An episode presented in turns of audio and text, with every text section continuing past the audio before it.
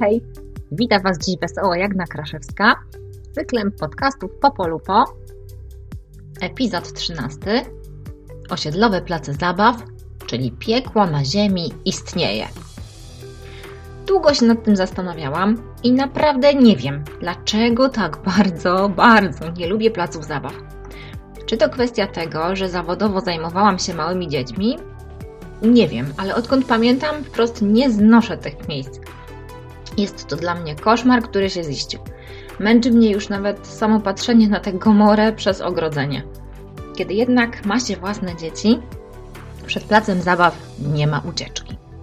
Można tak, no oczywiście, na pewno można tłumaczyć ukochanym latoroślom, że mamusia dopiero wróciła z pracy, gdzie kilka godzin spędziła przy huśtawkach, zjeżdżalniach i piaskownicach, mając oczy dookoła głowy i serce w gardle gdzie próbowała udaremnić radośnie nieświadomym młodym osóbkom nagłe i brutalne zakończenie życia poprzez skok na główkę ze szczytu zjeżdżalni, czy też przez podniesienie głowy po upadku z huśtawki, gdy ta akurat nad biedną główką się dalej bujała.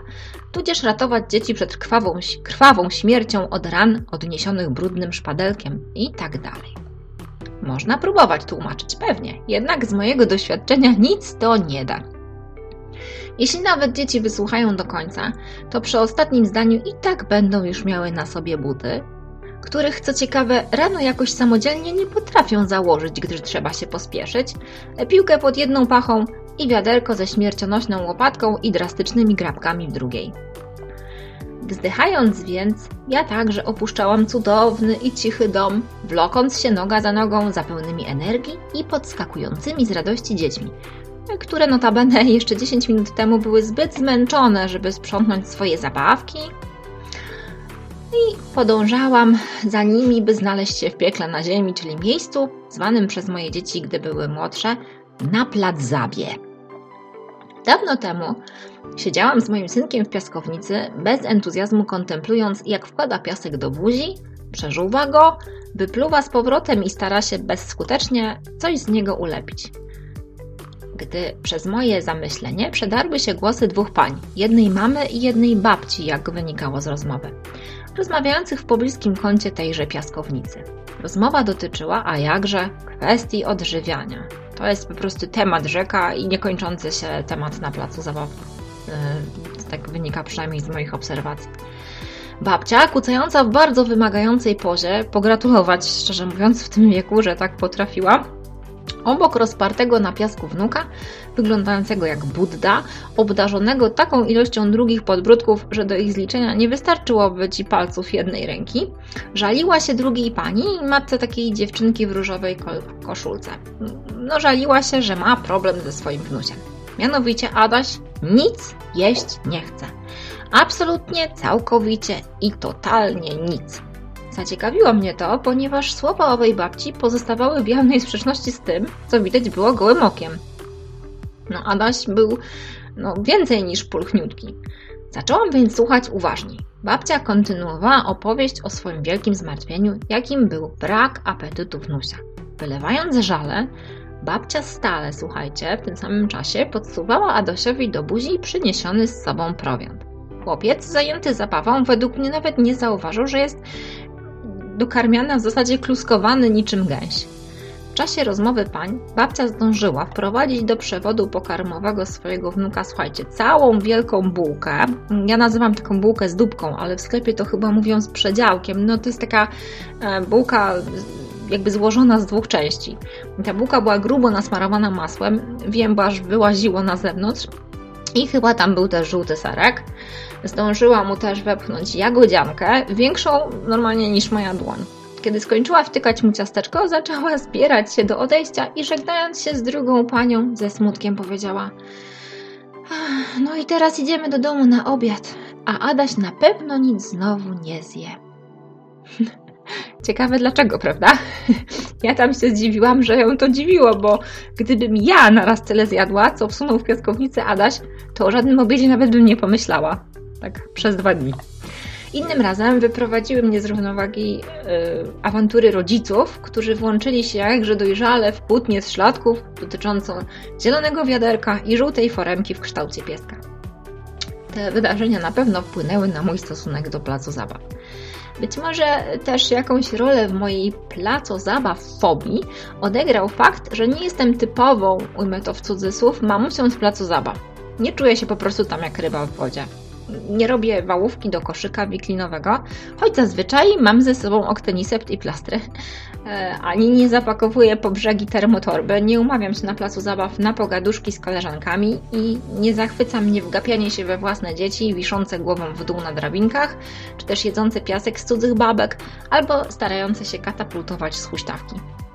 Męczą mnie nawet zasłuszone mimochodem rozmowy o preferencjach dotyczących oczywiście żywienia bąbelków, utyskiwania na przedszkole, do którego chodzą Jessica i Brianek, a ostatnio kwestie medycyny estetycznej, co i kiedy sobie wstrzyknąć. No i niekończący się temat wyprzedaży w centrach handlowych.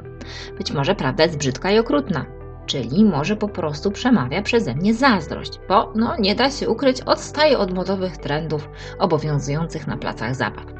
Jakoś tak wyszło, że nie zwykłam ubierać się na plac zabaw jak na wyjście z koleżankami na miasto, że już o szpilkach i o wieczorowym makijażu w stylu oka pandy o godzinie 15 w środku tygodnia nie wspomnę.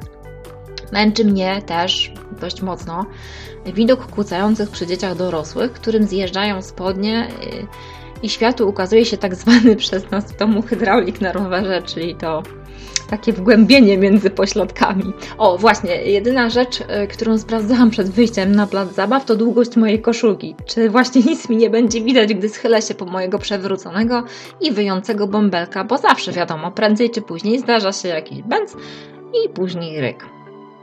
Myślicie pewnie, że jestem podła zołza, co to dzieciom broni dobrej zabawy na powietrzu. Nic bardziej mylnego. Bo czy moje dzieci lubiły być ze mną na plac zabie? Pewnie, że nie. I to nie dlatego, że brały pod uwagę moją niechęć do tego miejsca i chciały mi tego oszczędzić. Nie, nie. Po prostu jako typowa matka kwoka jestem killerem dobrej zabawy. Tak, psuję wszystko. Po pierwsze dlatego, że po prostu boję się o dzieci, że coś im się stanie.